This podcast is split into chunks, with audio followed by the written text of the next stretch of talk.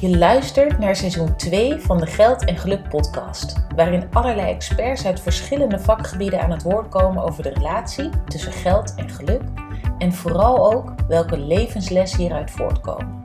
Ben jij benieuwd hoe jij geld kunt gebruiken om gelukkiger te worden? En welke andere inzichten de experts geven op het gebied van een betekenisvol leven? Dan is deze podcast echt iets voor jou. Ik ben Emma Hafkamp, GZ-psycholoog, coach en yogatherapeut en oprichter van Praktijk Lux. Ik help financieel vrije leiders naar een lichter, gelukkiger leven vol zin en betekenis. En voor jou host ik deze podcast. Ik wens je veel inspiratie en luisterplezier. Welkom bij de tiende en laatste aflevering van de Geld en Geluk podcast van seizoen 2, waarin Hedy Dancona wordt geïnterviewd. Hedy werkte bij de VARA, was universitair onderzoeker en werd onder andere bekend als oprichter van het feministische maandblad Opzij. Zij was staatssecretaris van Emancipatie, minister van Volksgezondheid, Welzijn en Cultuur en tien jaar lid van het Europees Parlement. Hoe heeft deze aanstichtster van de tweede feministische golf, bestuurder, spreker, schrijver en moeder zichzelf gezond gehouden in haar drukke leven?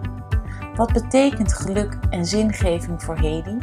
En hoe is dit voor haar verbonden aan zelfontplooiing en zelfbeschikking? Luister mee naar de wijze, prachtige en inspirerende uitspraken van Hedy in dit interview. Er toch maar van uitgaande dat er misschien een luisteraar is die jou niet kent, zou jij jezelf kort willen voorstellen uh, door te vertellen wie je bent en, en misschien welke rollen je op dit moment vervult?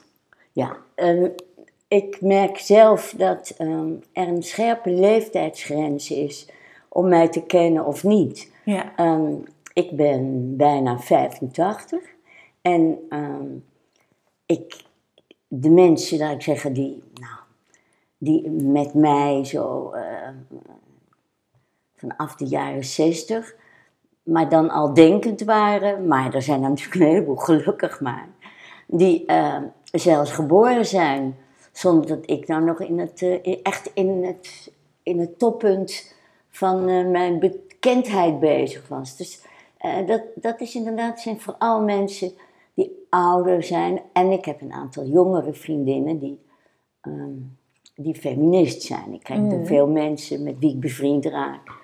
Um, jonger zijn. Ja. En waarom kennen mensen mij? Nou, in de eerste plaats natuurlijk omdat ik een overtuigd feministe ben en was. En dat vanaf 68 samen met Joke Smit aan de grote klok ging hangen. Ja. Door um, man-vrouw maatschappij op te richten.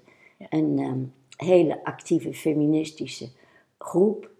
Uh, naast Dolomina, die ietsje later ontstonden. En Dolomina en man van maatschappij vulden elkaar heel goed aan. Want Dolomina was van uh, heel erg goede zou je toen zeggen van een, een soort leuke en um, publicitair aantrekkelijke um, je manifesteren met, met roze linten om de pissoirs, om aan te geven dat vrouwen ook recht hadden in openbare toiletten, op openbare toiletten, ja.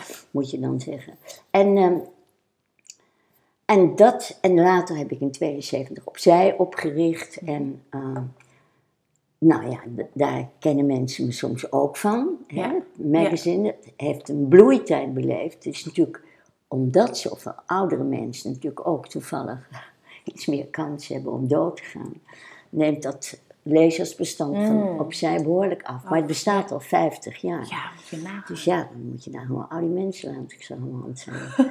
maar er zat een top en die zit er niet meer in. Nee. Uh, terwijl ik het wel uh, behoorlijk interessant vind eigenlijk uh, de laatste tijd. Nou ja, goed. Uh, dat was een tweede. Wat, dat zijn vrije tijdsactiviteiten. Mm -hmm. Dat was dus wel iets waardoor ik... wat ik heerlijk vond om te doen en nodig en wat moest. Maar dat deed ik net zoals heel veel andere activistische zaken toch in mijn vrije tijd. Ik was een echte activist. Ja. En, en, en dat betekent dan vrije tijd onbetaald? Ja, dat betekent vrije tijd. Dat betekent maar vooral onbetaald. Want ik uh, verdiende mijn geld dus eerst als um, wetenschappelijk medewerker bij de Amsterdamse Universiteit. Uh, En later, ehm, vooral als eh, politicus. Ik werd. ehm, eerst zat ik in de Eerste Kamer. Dat is dan niet iets wat een echte volle baan is. Dus dat deed ik naast mijn werk. Door mijn werk ietsje in te krimpen op de universiteit. En toen eh, werd ik staatssecretaris. Ehm, en later eh, ging ik naar het Europees Parlement. Daar ben ik heel lang geweest. Twee keer een periode van vijf jaar. En daartussenin was ik ook nog minister, vijf jaar. Van bijna vijf jaar. Van, dat heette toen WVC, Welzijn, Volksgezondheid en Cultuur. Ja. Mondvol. Eh, na mij is de cultuur naar, ehm, naar onderwijs gegaan. Wat trouwens in mijn jeugd ook zo was. Dus op zichzelf is dat geen slechte combi. Maar ehm, gek genoeg kom ik eigenlijk weer een beetje terug op die vanzelfsprekende combinatie met onderwijs. Omdat Marga Klompé, dat was dan weer een rolmodel voor mij. Eigenlijk een van de eerste vrouwelijke ministers, notabene, eh van wat nu het CDA. En zij was van de KVP. En zij was een eh, hele bijzondere vrouw. Zonder man of kinderen. En al dat tijd natuurlijk aan haar werk besteden. En zij heeft toen voor het eerst welzijn en cultuur bij elkaar in één departement. Daar komt het eigenlijk vandaan. Ja. En dat is wel een interessante opvatting waarvan ik nu eigenlijk weer denk, wat was dat eigenlijk goed? Om dat niet zo aan die onderwijskant ehm, weer terug te willen, maar om de, de gedachten van haar, die ik dus eh, ook nog, waar ik ook nog van kon profiteren als minister, aan die welzijnskant te zetten. Nou, dat heb ik dus, ehm, dat heb ik dus, eh, ik ben weer teruggegaan naar het ministerschap, naar Europees Parlement. Dat vond ik dus heel erg leuk. En daar ben ik in 99 mee uitgeschreven, gewoon toen was de periode en toen dacht ik, nu wil ik het niet meer. Wat maakte dat je het niet meer wilde? Nou, gewoon omdat ik nog zoveel andere dingen in mijn leven wilde. Ja. En omdat ik dacht, anders moet ik weer voor vijf jaar bijtekenen. Heel belangrijk was dat ik een geliefde had gevonden. ehm Veldhoen. eh, in 97. Toen moest ik dus nog twee jaar uitdienen. En, maar je bent dus ontzettend veel weg. Ja. En dat vond ik dus heel erg ongezellig en Ja. eigenlijk onnatuurlijk. Want als je dan op zo'n leeftijd nog zo'n grote liefde aantrekt, treft. En, ehm, en je bent zoveel weg, dan is het een beetje zonde van de tijd. En toen heb ik ook, dacht ik, dat is ook goed, want dan heb ik tijd voor dingen die ik ook graag wil doen. Eh, ik ben een actievoerder oorspronkelijk. Eh, dat vind ik interessant om te doen, om, om daar meer tijd voor te Ja. hebben. Maar ik heb ook met Irene van Ditshuizen een, een, een drietal documentaires gemaakt over wat ik dan diva's werktitel in Europa noemde. Echt vrouwen die ik bewonderde die, ehm, en die op het gebied van de wetenschap. Eén was er die de ehm, die, eh, die ge- gezondheidscremes en dingen had uit de, de, de body shop, is dat, de, is dat de body shop? Die had ze opgericht. En ehm, ze is inmiddels ook weer dood.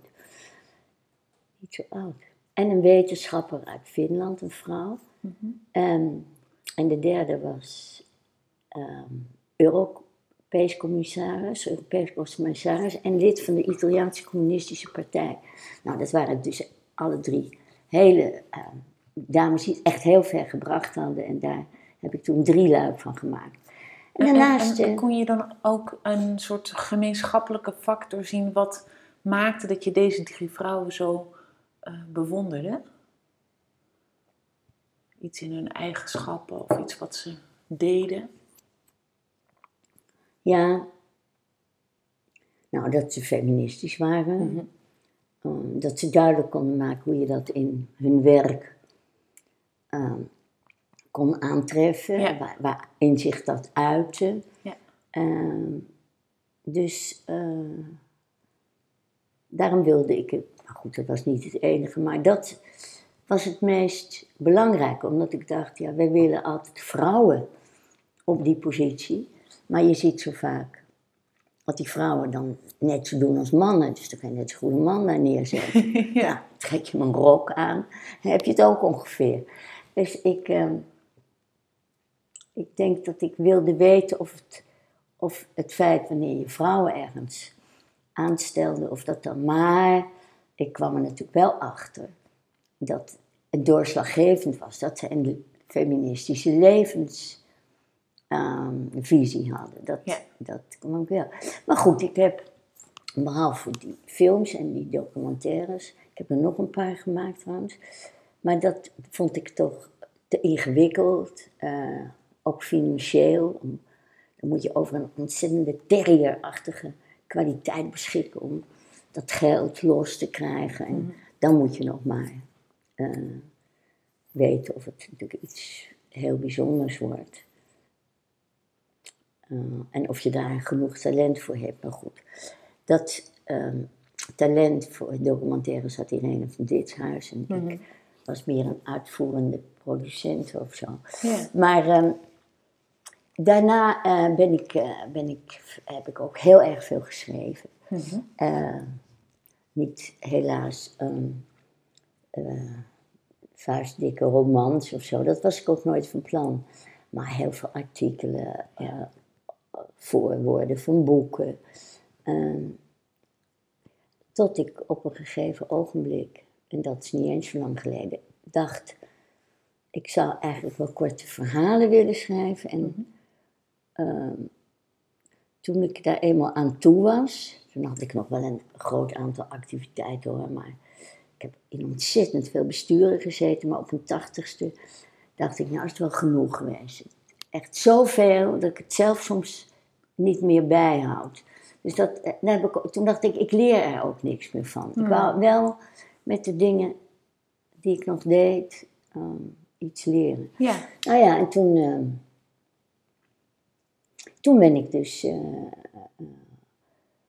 uh, allemaal goede korte schrijven, uh, korte stukken schrijvers gaan lezen. En toen dacht ik, nou, daar heb ik toch niet genoeg talent voor. En toen ben ik het met nog beknoptere stukjes gaan doen. Dat mm lag toen meer.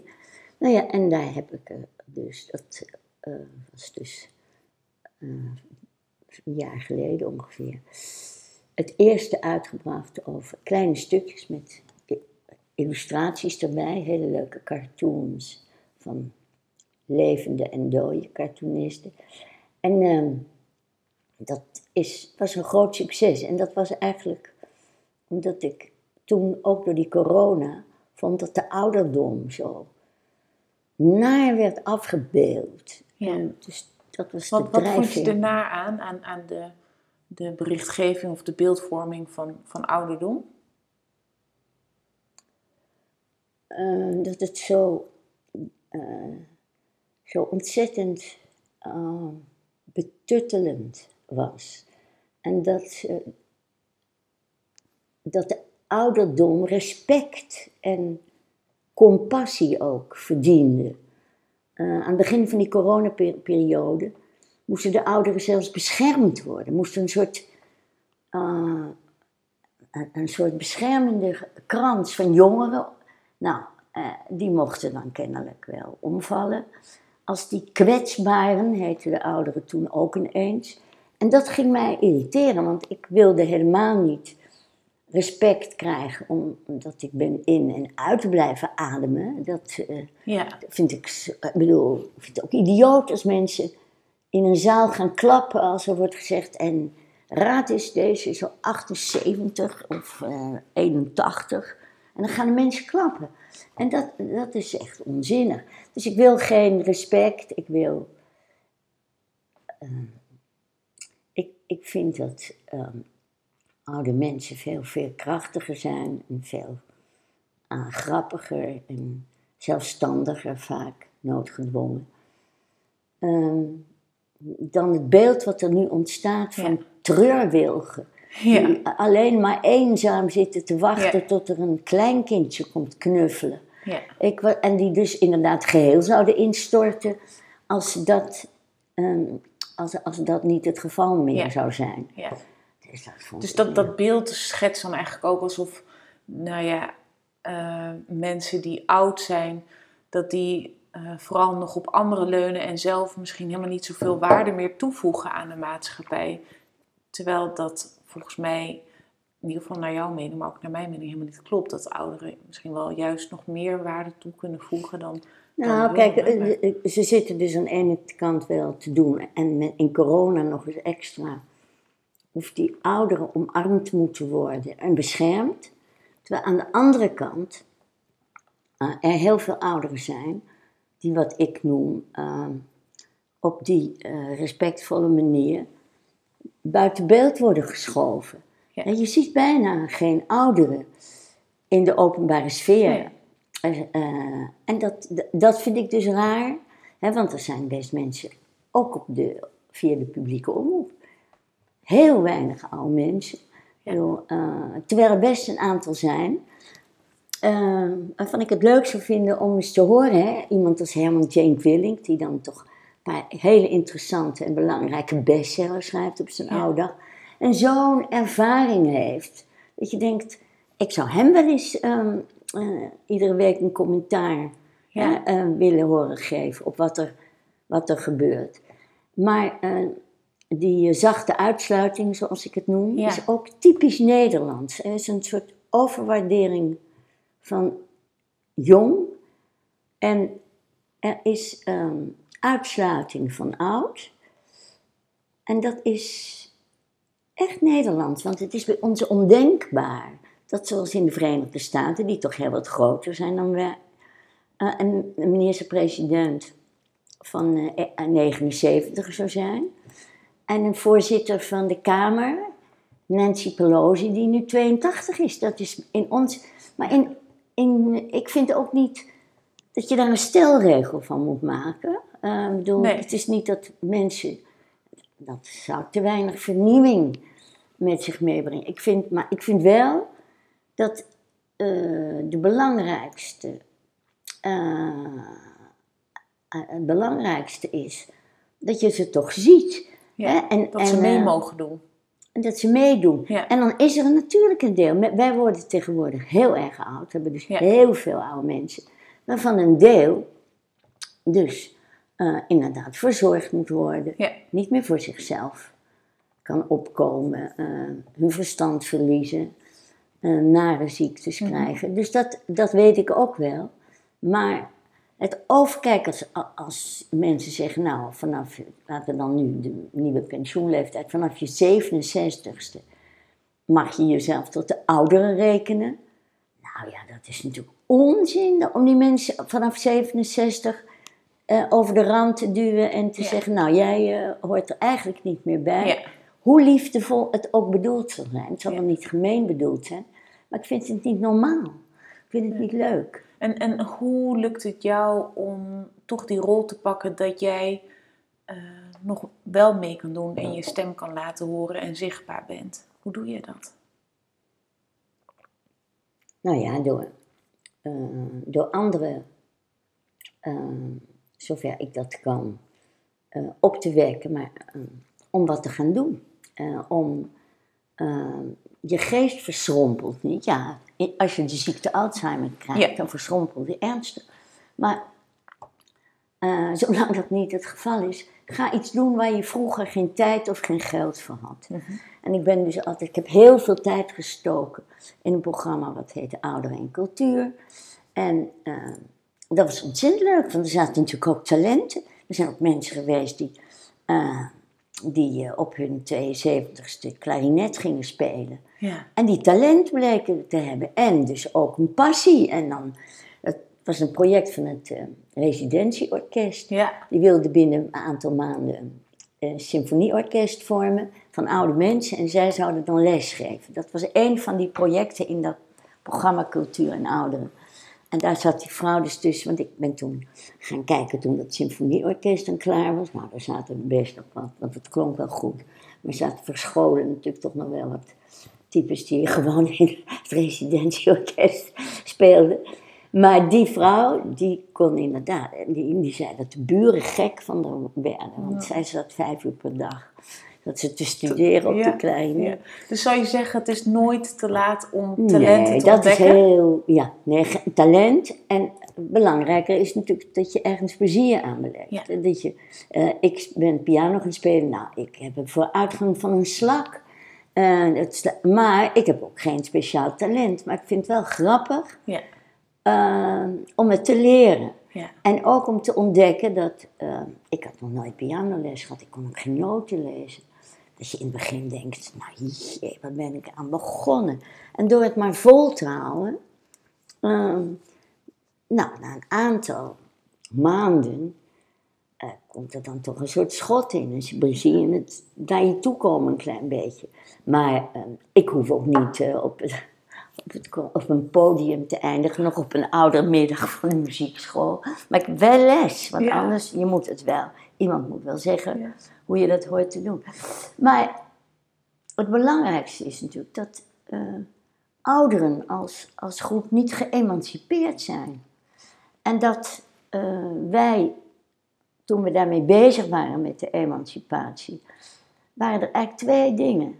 Eh, de zelfontplooiing, Mhm. omdat wij vrouwen duidelijk wilden, ma- wilden maken dat het absoluut niet gewoon was om tevreden te zijn met de rol die je was toebedeeld, namelijk huisvrouw en moeder te zijn, ongeacht wat je wilde en ongeacht wat voor scholing je had.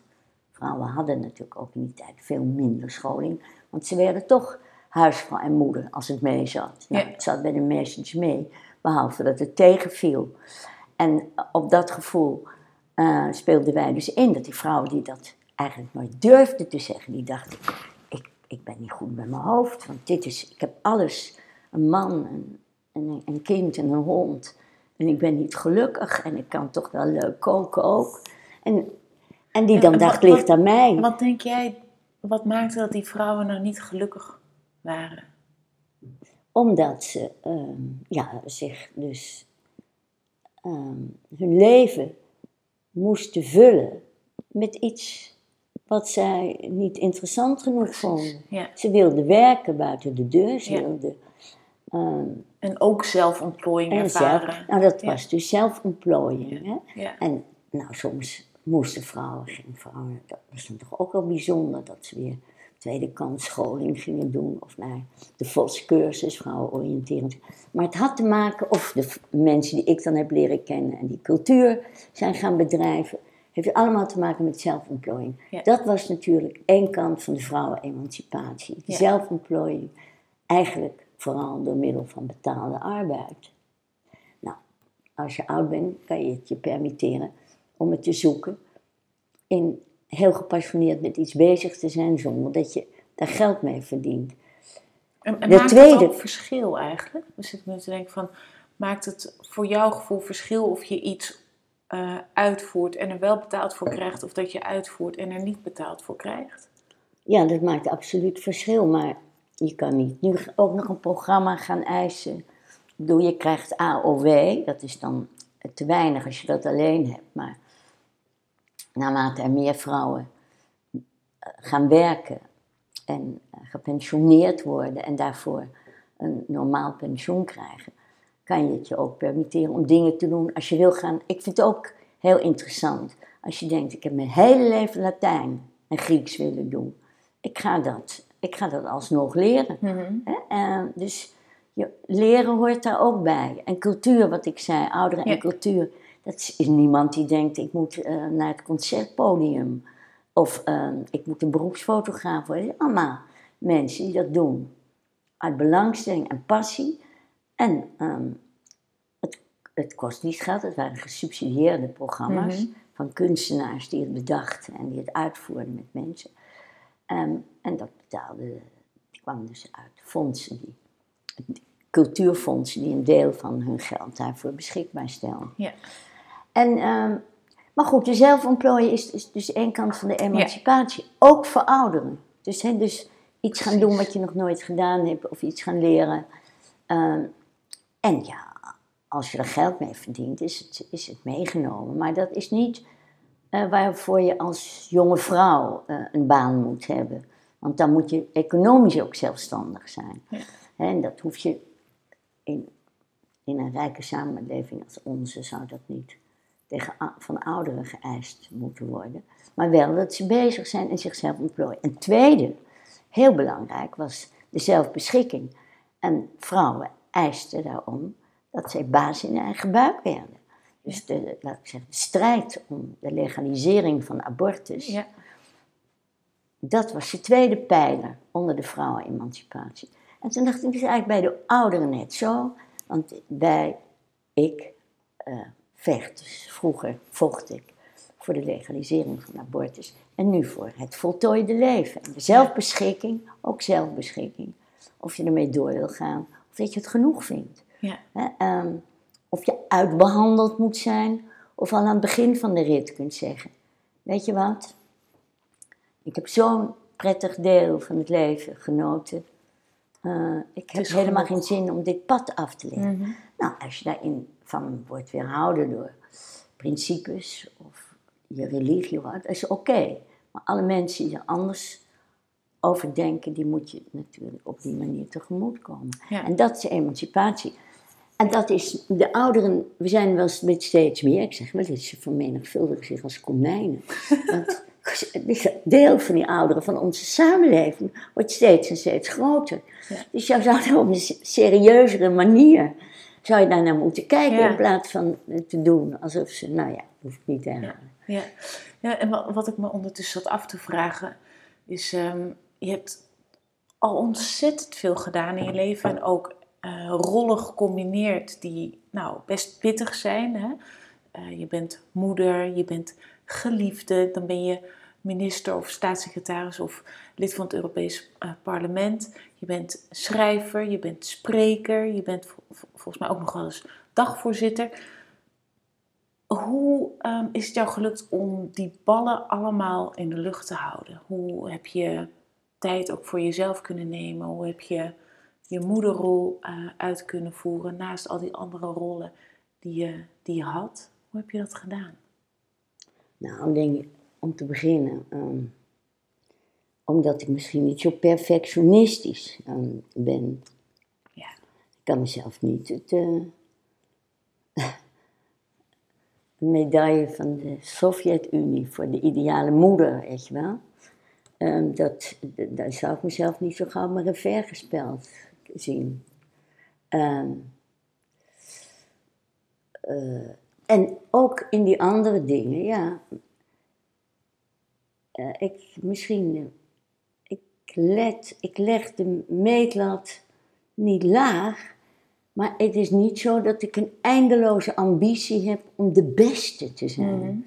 Want dat, uh, dat loopt natuurlijk ook vaak uit op teleurstelling. Hè? Ja. En ik dacht altijd, misschien zit mijn kracht wel eens dat ik een vermogen heb om veel dingen te combineren. Ja. want jij doet nu, noemt nu alles op wat ik ooit heb gedaan. Dat heb ik nooit allemaal tegelijk, tegelijk gedaan. Nee, nee. Maar het is wel zo dat ik altijd veel dingen tegelijk heb gedaan. Ja. En nog, ik kan heel makkelijk de knop omdraaien.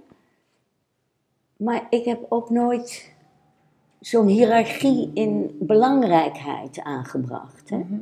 Eh, ik vond het niet, het gaf mij geen speciaal gevoel om minister te zijn. Het werd mij ook wel eens gezegd, weet je, dat ik ze gewoon blijf doen, ja. en gewoon bleef praten.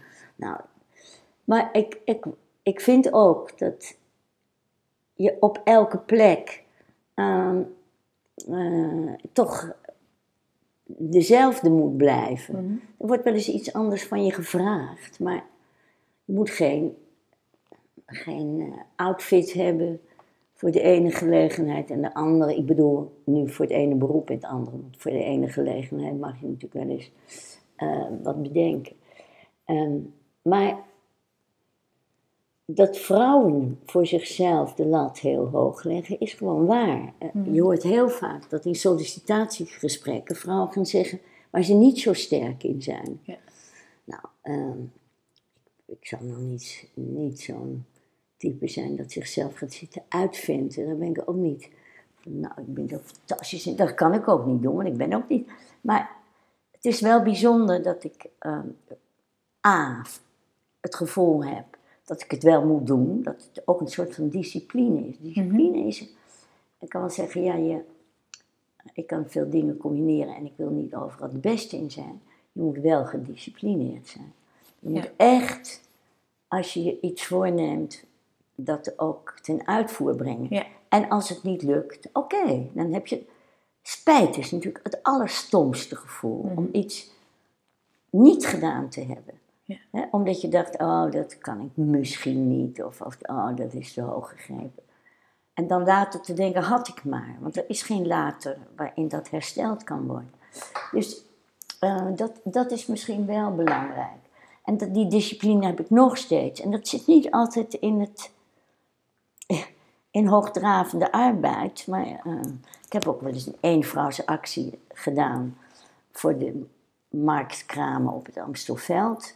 Die moesten ineens moesten de, als ze, die, die mensen stonden daar al een jaar of zeven. Die, die stonden dus op een bloemenmarkt, maar verkochten geen bloemen, maar fruit of, eh, of geneeskrachtige olie. Of, eh, nou, waren er een paar. Iedereen vond dat prima. Niemand Ja. had er- maar toen ineens kregen die zo'n, in dat ambtenarenjargon, dat ze eh, niet op een themamarkt meer mochten staan. En toen heb ik, eh, heb ik inderdaad een geslaagde eenvrouwsactie gedaan. Maar ik voer natuurlijk ook actie voor eh, coöperatie uit vrije wil. Dat, wat inderdaad gaat Ja. over de zelfstandigheid die je moet hebben om over je eigen levenseinde te beslissen.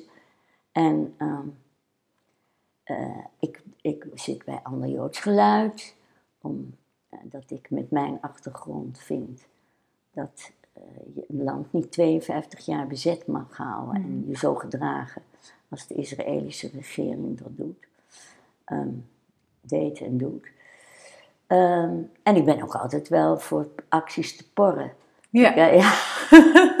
Als ik het de moeite ben, dan niet. Ik heb, ik heb wel, ik zei wat net nog, ik heb, ik heb misschien wel 60 bestuursfuncties gehad. Ja. Zeker wel.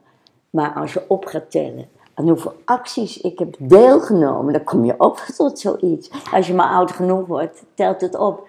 Maar je kan bij die acties natuurlijk niet zeggen dat je overal succes mee hebt gehad. Nee. ook vaak dat het absoluut niet lukt. Maar ik ben er makkelijk voor te vinden. Er gaat ook altijd veel tijd in zitten. Ja, Maar- want, want daarom vraag ik me af, hè, want je zegt heel mooi van nou, het helpt om niet perfectionistisch te zijn, want dan hoef je niet alles, hè, hoef je niet op alle gebieden een 10 te halen, is een 7 ook goed. En dan kan je dus in ieder geval best veel gedaan krijgen. Aan de andere kant denk ik, ja, eh, ehm, er is op een gegeven moment ook zoveel te doen, zeker ook als je een brede interesse hebt of meerdere passies. Eh, hoe verhoudt zich dat tot de vraag, ehm, eh, je, kan niet, je- kan je alles doen of moet je ook keuzes maken? En hoe maak je dan die keuzes, wat je wel en niet doet? Nou, dat weet ik niet zo goed. Wat dat dan de doorslag heeft. Hmm. Ehm, is ook wel natuurlijk een enkele keer. Ik bedoel, er is ook wel eens een actie waarvan ik zelf achteraf denk of merk dat het, ehm, dat het niet alleen het totaal geen succes heeft gehad, maar B, dat het ook maar goed is dat degene die geen succes heeft gehad, dat dat het eigenlijk eh, toch ehm, bij nader inzien goed is dat er een. eh, kijk, het was wel even heel erg naar dat de metro onder de Nieuwmarktbuurt gebouwd werd en dat daar heel veel. Maar aan de andere kant vind ik het natuurlijk fantastisch dat we eh, een Noord-Zuidlijn hebben en een lijn van de Bijlmer naar het Centraal Station. Ja, prima. En dat, eh, dus dat was, is maar goed. Dat soort van acties heb ik ook wel van, omdat ik eh, nogal veel op de universiteit zittend ehm, me heel erg interesseerde voor wat er in de stad gebeurde. En mijn, laat ik zeggen, de stadsociologie die ik bestudeerd had, mij ook wel een soort van extra belangstelling gaf. Of dat mensen dachten, nou ja, dat mensen dat wel college te geven, maar laat ze dat ook maar eens in de praktijk doen. Weet je, het doet er ook niet zoveel toe. Als je zegt, wat, wat, is, wat geeft de doorslag? De doorslag geeft eigenlijk wel, of ik denk, ik denk Mhm. dat ik daar iets van opsteek. Hmm. En als je al zoveel besturen hebt gehad en ook heel vaak voorgezeten, dan denk je, dat weet ik nou wel. Ja. Hè, dat, ja, dan moet je me niet, natuurlijk niet. Ik, dat was het toch eigenlijk allemaal in de cultuursfeer Ja, en in ja, de sfeer van ontwikkelingssamenwerking. Bij. Ja. Ik heb gezeten lang bij Novib. Ehm, maar dan dacht ik, dus, dus als iemand me voor iets vraagt en ik word er nieuwsgierig naar, dan, eh, dan denk ik, ik steek er iets van op. Omdat het oudere brein, eh, sommige mensen denken dat dat in elkaar stort of zo. Ja, als je er niks meer aan doet, Ja. dan zal er een zekere verduffing optreden. Maar als je nieuwsgierig blijft, dat roep ik ook altijd tegen de mensen, blijf nieuwsgierig. Ja. Eh, eh, denk niet, het zal mijn tijd wel uitduren, weet je wel, van de vreselijke ideeën die, die oudere mensen kunnen hebben. Nee, wind je op, want als je nieuwsgierig bent, nou, ik, ik, er is geen dag dat ik me niet ergens, heel gelukkig dat ik dan niet voor alles ga demonstreren, maar ik wind me wel op. Ja. Ik wind me op over Nederland. Ja, ik bedoel, in plaats van, eh, van, nou, dan had ik niet erg veel last van nationale trots, moet ik er wel bij zeggen. Ik ben eerder een Europeaan dan dat ik. Maar goed, ik dacht wel dat wij alles eigenlijk wel goed voor elkaar hadden. Dat we, ik dacht altijd wel, als je lang in het buitenland had gezeten, hier in Nederland, dan dacht je, god, is alles hier netjes opgeruimd. Of, hè, en het licht gaat op tijd. En, eh, aan en uit, er komt water uit de kraan. Je kreeg een, dat soort van gevoelens had ik wel. Dat Ja. het hier zo prima georganiseerd was. En in plaats van de nationale trots is er een soort van nationale schaamte bij mij. Dat zo'n rijk land, of het nu gaat om het onderwijs, of het om het wonen gaat. Ik heb het hier over mensenrechten, weet je wel, om er maar een paar te noemen. Ehm, ik ga niet door met dat geklaag over het huisvesten van vluchtelingen en asielzoekers. Nou, dat is toch ook wel iets wat ik wil genoemd wil hebben. Je schaamt je dood. Gezondheidszorg. Niet genoeg IC-bedden.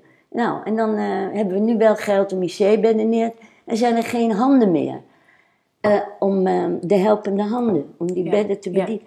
Dus je, je denkt, in wat voor raar land. Lijkt wel een derde wereldland. En we zijn zo rijk aan de andere kant. We zijn zo rijk.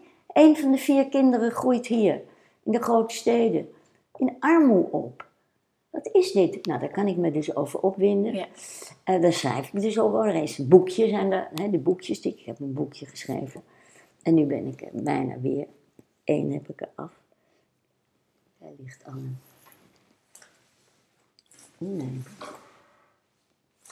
Kijk, het eerste heette Vrolijk Verval. Dat Ja. was dus de, om die beeldvorming van die zielige, kwetsbare ouderen. Maar om nou niet te doen alsof het alleen maar lachen is als je oud wordt, heet het tweede dus Koude kermis. Koude Kermis. Prachtig. Dus dat gaat over teleurstelling Ja. en afgang. En, nou ja, ik En dat dat er ook mag zijn. dat mag niet. Ja. Als je niks doet, kan er ook niks misgaan. Ja.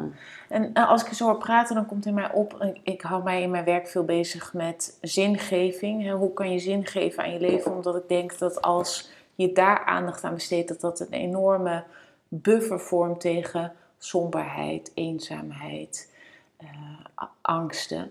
Eh, als jij waarde kan toevoegen aan de wereld of aan de maatschappij of aan jouw naaste, dat je dan ook waarde terug kan ontvangen. Maar klopt het dat bij jou een grote van jouw zingeving zit in dat je kan groeien in iets, wat dat dan ook maar is? Dat je geprikkeld Nou, ik zou nooit zeggen zelf dat ik met mijn activiteiten waarde toevoeg Nee? aan de samenleving. Nee, dat heb ik, dat, niet dat ik dat niet zou willen. Maar dat vind ik toch wel een, van een zelfoverschatting die niet met mijn relativerende karakter. Ik kan Mhm. dat, dat, dat heb ik niet. Bij mij zit het meer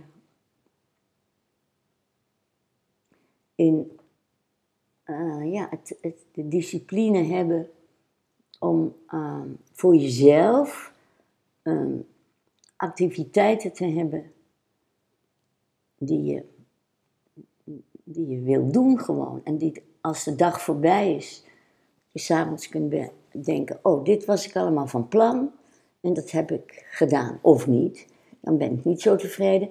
Maar echt de zingeving, ja, dat is mijn zingeving. Maar ik heb nooit, zou ik ook niet durven zeggen. Ehm, ik word wel eens bedankt door jonge vrouwen, weet je wel. Van nou, wat u allemaal voor ons gedaan heeft. Ja, dat vind ik dus al vrij gênant. Uh, je kan Word je daar ongemakkelijk van? Je kan, ja, ja. Ik ben ongemakkelijk. Omdat ik dat... Ja, je begint ergens aan en de discipline helpt je om ermee door te gaan. En zeker omdat je denkt dat je, dat het, dat je het gelijk aan je kant hebt. Dat het onrechtvaardig is. Ik, heb mijn, ik, ik ben vanuit de wetenschap naar de politiek gegaan, omdat ik, uh, ik inderdaad vond dat je bepaalde idealen die je hebt, of ze terecht zijn of niet, maar dat je die niet aan de keukentafel uh, eventjes kan realiseren. Waarbij ik toch zeg dat actie natuurlijk vaak aan de, de grondslag ligt. Maar het moet op een gegeven moment, moeten die acties ook tot iets leiden. Ja. En de beslissingen vallen in de politiek. Hè? Ik maak mij nu ook ernstig zorgen over, uh, over de, de, vind ik, het toenemend gevaar van het populisme.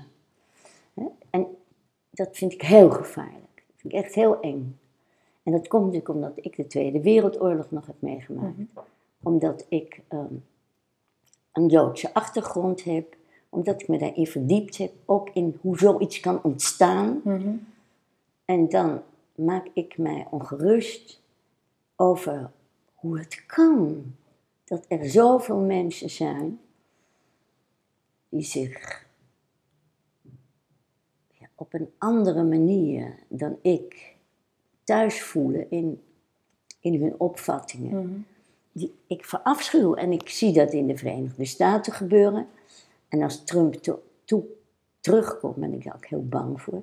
Maar ja, in Europa, en lid zelfs van de Europese Unie, ik ben een echte Europeaan, zijn nu landen lid die ook geregeerd worden door populisten, zoals in Polen, bij de legalisering van de abortus dus wordt afgeschaft, waar wij zo hard voor gevochten hebben.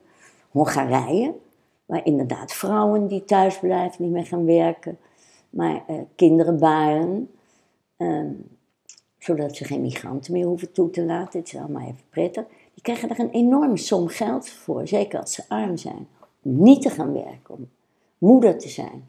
Als je Baudet hoort, die, uh, die heeft ook zo'n opvatting, althans, ik weet niet of dat zijn eigen opvatting is, hmm. maar die proclameert wel dat vrouwen toch eigenlijk, uh, je doet vrouwen recht als je ze aan het aanrecht zet.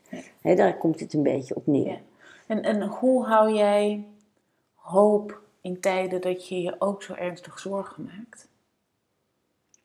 Ja, ja, ja omdat ik een optimistische aard heb, denk ik. Uh, omdat ik niet ik, maar, ik kan me ernstige zorgen maken en tegelijkertijd heel hoopvol zijn. Ik, mhm. eh, de zorgen maken me niet, niet tot een somber vrouw, maar uh, ik blijf altijd wel optimistisch. Maar ik, ik vind wel dat de wereld die ik achterlaat, met, of het nu het klimaat betreft, hè, of die of al die, die dingen die ze bedreigen, de corona, de, de, de vreselijke dingen die uh, het steeds maar onrustbarender klimaat teweeg zal brengen. Ook aan migratiestromen, aan, nou ja, ik denk, wat, wat fijn dat ik oud ben. En wat zielig als je jong bent.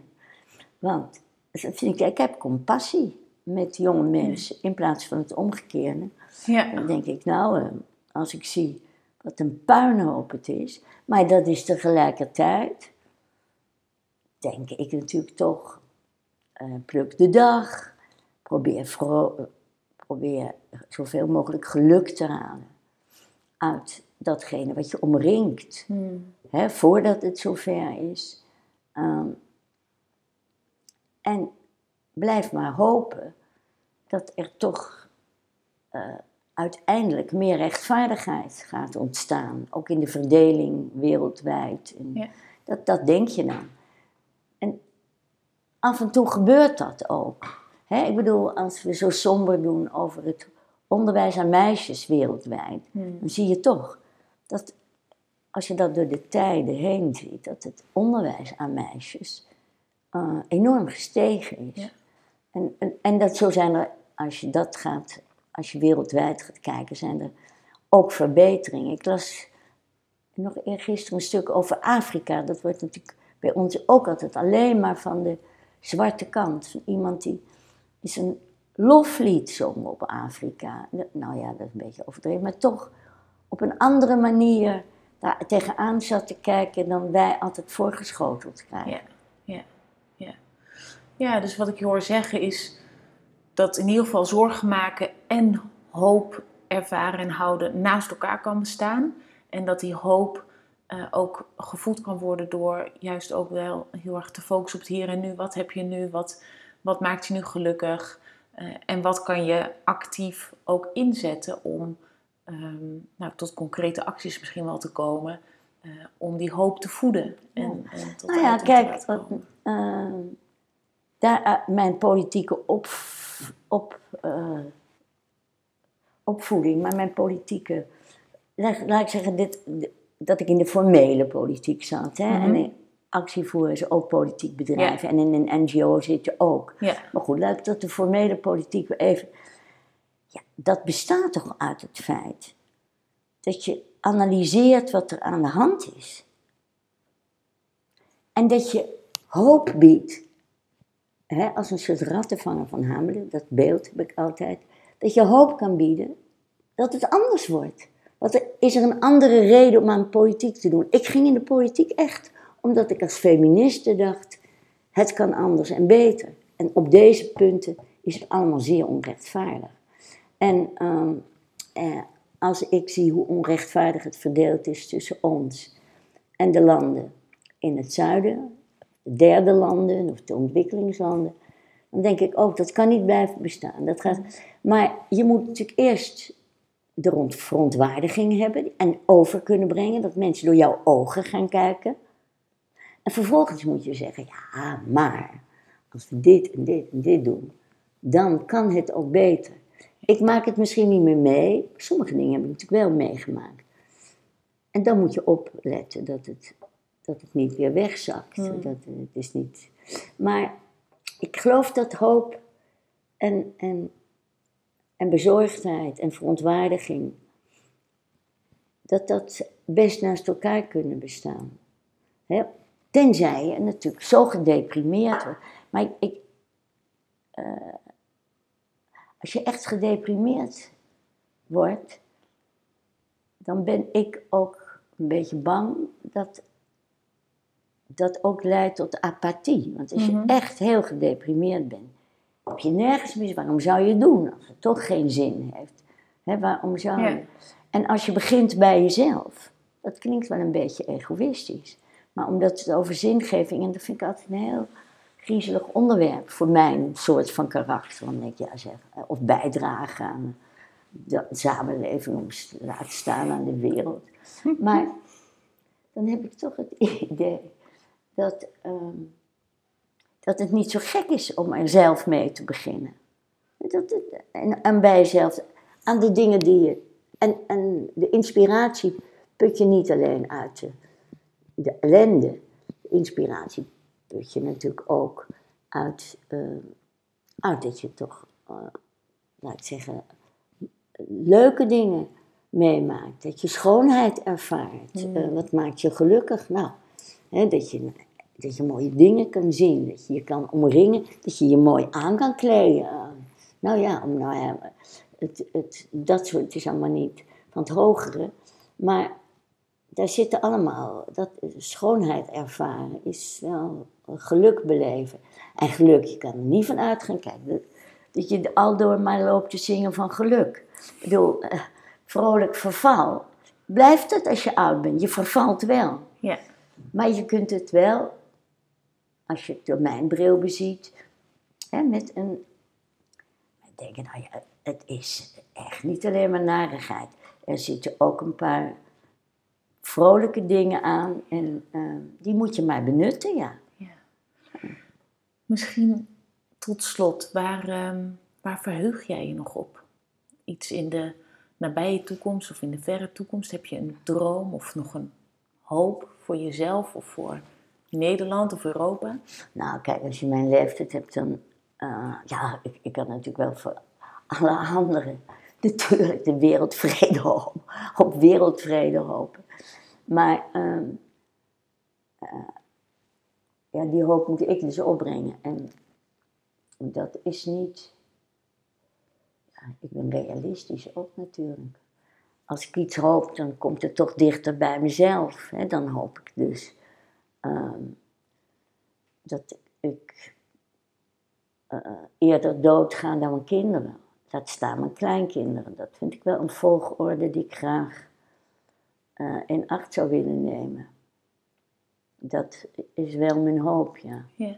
Want hoop is natuurlijk ook, en geluk is ook het, het eh, vermijden, als dat kan, van ongeluk. En dan zou ik natuurlijk ook heel, en dan weet ik nog wel een paar dingen te noemen, maar echt ongeluk vind ik, dat vind ik ook heel erg voor mensen die dat wel overkomen. Mhm. En dan vind ik inderdaad, als je, zoals ik, een grote liefde meemaakt, hè, eh, toch eh, eh, 22 jaar, en vanaf mijn 59ste, 22 jaar, echt een grote liefde. Niet de enige in mijn leven, maar dit was toch wel een hele bijzondere. Ehm, ja, dan moet je niet gaan zeuren als iemand ehm, in de 80 eh, doodgaat. Ja, i- ik vind dat on- erg ongezellig. Ik mis die man iedere dag. Maar het is niet een pijnlijk gemis. Ik Hmm. kan me altijd ook bedenken eh, dat niet het noodlot heeft toegeslagen. Mijn eigen vader werd 36, omdat hij vermoord werd eh, in een kamp. Ehm, dat is een heel ander verhaal. Hmm. En dat, en dat. En mijn dochter zegt altijd tegen mij: ah, ja, bij jou is het glas altijd half vol. Nou, dat is ook wel zo, omdat ik wel weet hoe het leeg kan zijn en hoe naar dat is. Dan kijk je daar wel, ja, je be- behoeden voor Ongeluk en hopen op dat ongeluk en het noodlot uitblijft. Ja, dat, dat, is, eh, dat is wel wat ook een conditie creëert waaronder je gelukkig kunt zijn. Want als je dat niet hoopt, ja, dan kan je wel. Hè? En als iemand is doodgegaan van wie je zoveel hield, kan je ook wel de hele dag zitten sippen. Maar je kan ook denken, wat ik net zei. Eh, het is niet onredelijk. Mhm.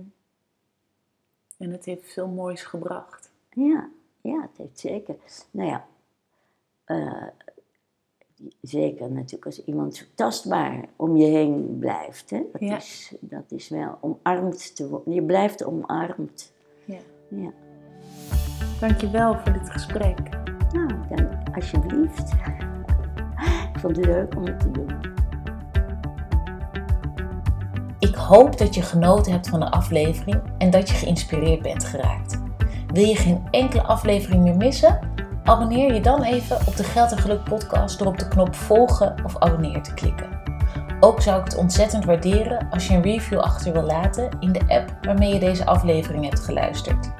En heb jij nu het gevoel dat je ook op zoek wilt gaan naar hoe jij een lichter, gelukkiger en betekenisvol leven kan gaan leiden? Bekijk dan mijn aanbod op de website www.praktijk-lux.nl of stuur een e-mail naar info praktijk-lux.nl. En wie weet, tot gauw!